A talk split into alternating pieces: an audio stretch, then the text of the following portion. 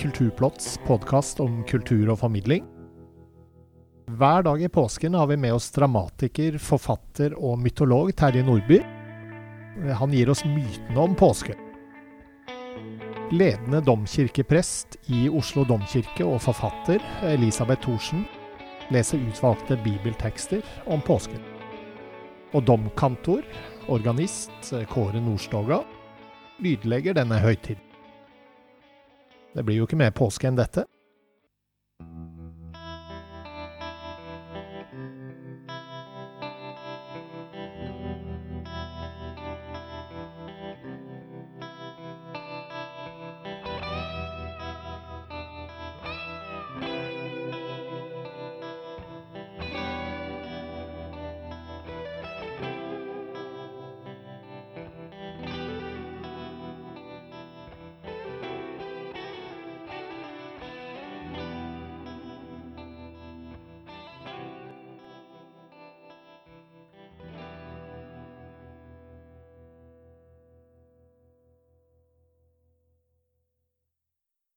I dag er det selveste skjærtorsdag. Det er nattverd og foranstaltninger mot ondskap. Eh, hva handler dagens tekst om, eh, Terje? Som det står, nattverden, eh, det er jo da det eneste litt sånn mystiske virkelig som er igjen i, i den kristne liturgien. Og nattverden ble ifølge evangeliene innstiftet i dag. Så jeg snakker jo litt om det, og litt om måltidet og mytene rundt det. Men dette var også heksenes store dag. Og det, det har uh, hatt seriøse uh, virkninger i historien. Vi hører nattverd og foranstaltninger mot ondskap. Jesus var en trussel. Hvordan kunne øvrigheten uskadeliggjøre ham? Hjelpen kom som en gavepakning. En av disiplene tilbød seg å forråde ham. Begrepene 30 sølvpenger og Judas har gått inn i språket. Men mesteren visste hva som skulle skje, og avslørte det under verdenshistoriens mest berømte måltid. Men hvorfor skjærtorsdag? Skira er et gammelt norsk ord for å rense. Med renselsestorsdag vises det til at Jesus vasket disiplenes føtter og innstiftet nattverden. De kristne skal renses og lutres ved Kristi lidelse på samme måte, skriver Christian Bugge. Men skira kan også bety å døpe. I Telemark og Setesdal ga bøndene nyfødte husdyr navn skjærtorsdag morgen eller kveld, ved et ritual der man gikk rundt for eksempel kalven tre ganger eller helte vann over dyrets hode. Dyredåpen innebar også en beskyttelse. Snart skulle dyrene slippes ut, og nå var de vernet, i hvert fall bedre vernet, mot ondskap. Av fordervende makter sto heksene i første rekke. For dem var skjærtorsdag en festdag. En lov fra tidlig 1500-tall påbød øvrigheten, særlig på skjærtorsdag, å passe på alle som var mistenkt for trolldom, og en lov fra 1687 forkynner at en trollkvinne eller trollmann bør kastes levende på bålet. Og nettopp skjærtorsdag var det gunstig for en heks å sette seg på en soplime og fly av gårde for å bedrive orgier og intriger og all slags vederstyggelighet med djevelen. Derfor var det skikk å sette en brukt soplime ute, så heksen eventuelt kunne bruke den, ellers kunne hun komme til å ta et husdyr. Med bakgrunn i at Kristi kors ble skåret til på skjærtorsdag, oppsto forestillingen om at man ikke måtte skjære eller hugge denne dagen. Forberedelsene til Jesu lidelse og død ble satt i gang skjærtorsdag, og alt arbeid som minnet om dette, kunne øke Frelserens pine. Det måtte heller ikke spinnes, for tauet Jesus ble bundet til korset med, ble spunnet skjærtorsdag. Dagen ble først og fremst feiret med altergang i forbindelse med innstiftelse av nattverden. Jesus bryter brødet og sier at det er hans legeme, gir følgerne sine vinbegre og erklærer dette er mitt blod, paktens blod. Også før, i antikkens Hellas, ble brød og vin helligholdt. Nattverden er en variant.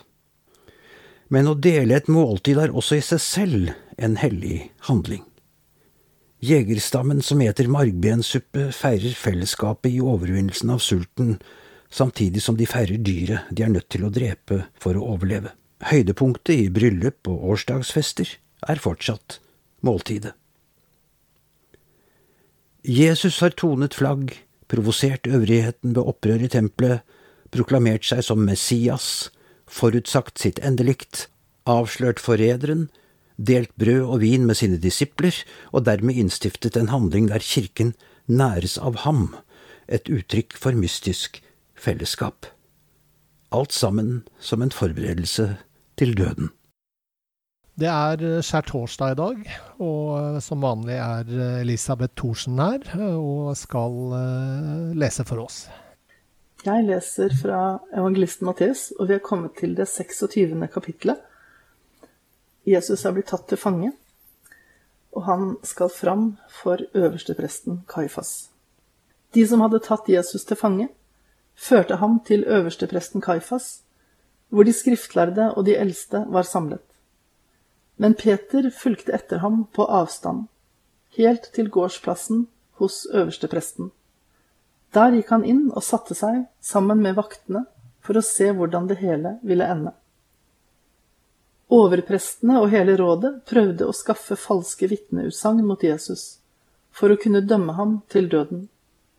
Men de fikk ikke noe på ham, enda mange sto fram og vitnet falskt.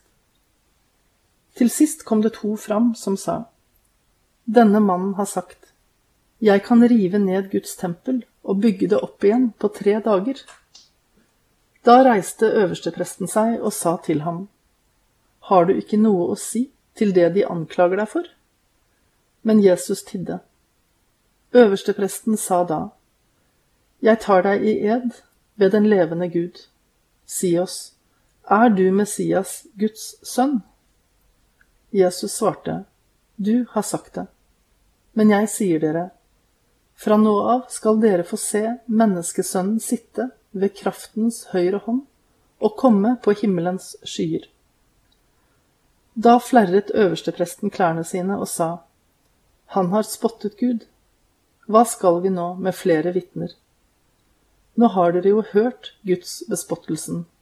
Hva mener dere? De svarte, han er skyldig til å dø. Så spyttet de ham i ansiktet og slo ham med knyttnevene. Noen slo ham i ansiktet og sa, Nå kan du være profet for oss, Messias.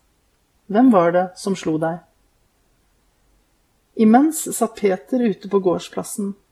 En tjenestejente kom bort til ham og sa, Du var også med denne galileeren Jesus. Men han nektet i alles påhør og sa, Jeg skjønner ikke hva du snakker om. Da han gikk ut i porthvelvingen, fikk en annen jente øye på ham og sa til dem som sto der, Han der var med Jesus fra Nasaret. Peter nektet på ny og sverget på det, Jeg kjenner ikke den mannen. Litt etter kom de som sto der, bort til Peter og sa, Visst er du en av dem, du også? Dialekten røper deg. Da ga han seg til å banne og sverge. Jeg kjenner ikke denne mannen. I det samme gol hanen. Da husket Peter det Jesus hadde sagt til ham. Før hanen galer, skal du fornekte meg tre ganger. Og han gikk ut og gråt bittert. Vi har med oss Kåre Nordstoga denne påsken. Han er ledende kantor i eh, Oslo domkirke. Hvilket stykke er det du har valgt i dag, eh, Kåre? I dag er vi tilbake til Johan Sebastian Bach og eh, en av hans mest kjente pasjonskoraller, som jeg tror nesten alle organister liker å spille, og som spiller. Det er den som heter O Mensch, bewein dein Synde grås. Det er jo en koral som ikke vi synger, så, synger, i Norge, men som noen vil kjenne fra, også fra Matteuspersonen. Um, og som er en langfredagssalme. Og teksten taler ved seg sitt eget språk. Den, er, den handler om å gråte over sine synder.